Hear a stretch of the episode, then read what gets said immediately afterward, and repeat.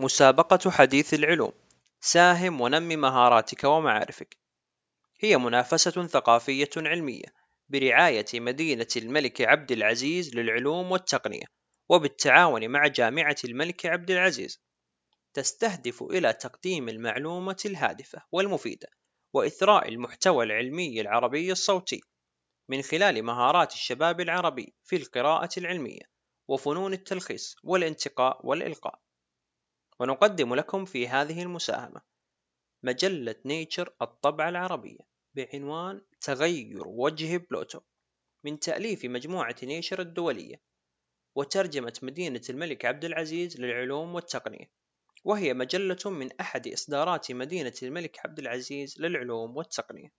اسم المساهم عبد الله العجمي. فهذا هو العدد السادس والأربعون. وفيه تجدون مختارات من منشورات في مجلة ميتشر الدولية في أربعة أعداد أسبوعية. من الخميس الموافق الثاني عشر من مايو إلى الخميس الموافق الثاني يونيو لعام 2016 ويضم هذا العدد بين جنباته إضاءات على آفاق تقدم العلوم يعرض منها ما يلي. في قسم أخبار في دائرة الضوء وتحت عنوان بعوض مصاب قد يتمكن من محاربة زيكا. نلحظ أن الولايات المتحدة ستصبح عما قريب الدولة الأولى التي تسمح بالاستخدام التجاري لنوع شائع من البكتيريا. لمكافحة انتشار البعوض القادر على نقل العدوى الفيروسية وتقوم وكالة حماية البيئة الأمريكية EBA حاليا بمراجعة طلب مقدم من شركة موسكيتو ميت. لاستخدام بكتيريا من نوع معين كوسيلة لمكافحة بعوضة النمر الآسيوي. وفي القسم نفسه أيضا بعنوان الرحلة الأولى لأقمار صناعية بالغة الصغر. حيث حسب الخطة الموضوعة من المقرر أن يتم إرسال مجموعة من حوالي 100 قمر من أقمار الشيبسات التي تشبه في حجمها وريقات دفتر صغير في السادس من شهر يوليو الحالي. إلى المحطة الفضائية الدولية من أجل استكشاف معالم في الفضاء وخلال الأيام القليلة التي تجري فيها الاختبارات ستنقل هذه الأقمار الصناعية بالغة الصغر بيانات حول ما تحمله من طاقة وحول توجهها قبل أن تنحرف عن المدار وتحترق في غلاف الأرض الجوي. وفي قسم التحقيقات وتحت عنوان هل هناك أزمة في قابلية تكرار النتائج التجارب العلمية؟ يعرض بعض الأرقام التي أسفر عنها استطلاع لمجلة نيجر شارك فيها 1576 باحثا.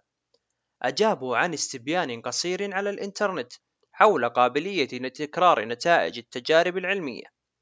وكشفت البيانات المواقف المتناقضة في بعض الأحيان تجاه تكرار نتائج التجارب العلمية. فعلى الرغم من أن 52% ممن شاركوا في الاستطلاع يتفقون على أن هناك أزمة فادحة في تكرار نتائج التجارب العلمية إلا أن أقل من 31% منهم يرون أن الفشل في تكرار نتائج التجارب المنشورة يشير إلى خطأ في النتائج على الأرجح ومعظمهم يقولون أنهم ما زالوا يثقون في هذه الدراسات والأبحاث المنشورة.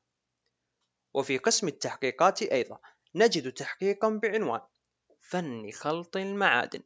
نتناول من خلاله آخر ما توصل إليه علماء المعادن لإنتاج جيل جديد من السبائك بخواص رائعة.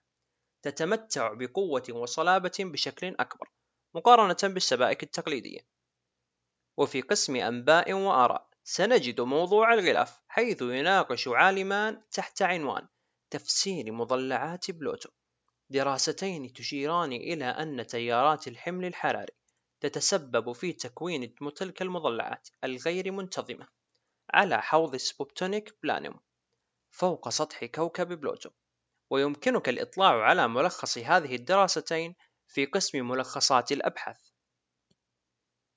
أما صندوق الأدوات في هذا العدد فيتناول كيفية استفادة أمناء المحفوظات من التقنية المستخدمة في التحريات الجنائية. للوصول على بيانات وملفات أنشئت في أنظمة عفى عليها الزمن. يقول كريستوفر لي الباحث في كلية المعلومات وعلوم المكتبات يمكن الوصول إلى العديد من الملفات ولكن للأسف عن طريق أجهزة عفى عليها الزمن وتدهورت حالتها. مما سيؤدي في النهاية إلى استحالة قراءتها بأي وسيلة كانت. وفي الوقت الحالي تجمع لدى العديد من المكتبات ودور المحفوظات ملء أرفف كاملة من تلك المواد مخبأة بعيدة على أمل أنه إذا ما دعت الحاجة إلى ذلك يوم ما فسيكون بوسع شخص ما في مكان ما معرفة كيفية الوصول إليها. وفي قسم مهن علمية وتحت عنوان شهادات النجاح يتناول كريس وولستون أهمية شهادة ماجستير إدارة الأعمال للعلماء إذا أرادوا الترقي لمناصب خارج حدود المختبر حيث يستعرض وولستون عدة تجارب العلماء معظمهم يعملون في مجال التقنية الحيوية وتطوير العقاقير وكيفية استفادتهم من حصولهم على ماجستير إدارة الأعمال في مشوارهم المهني.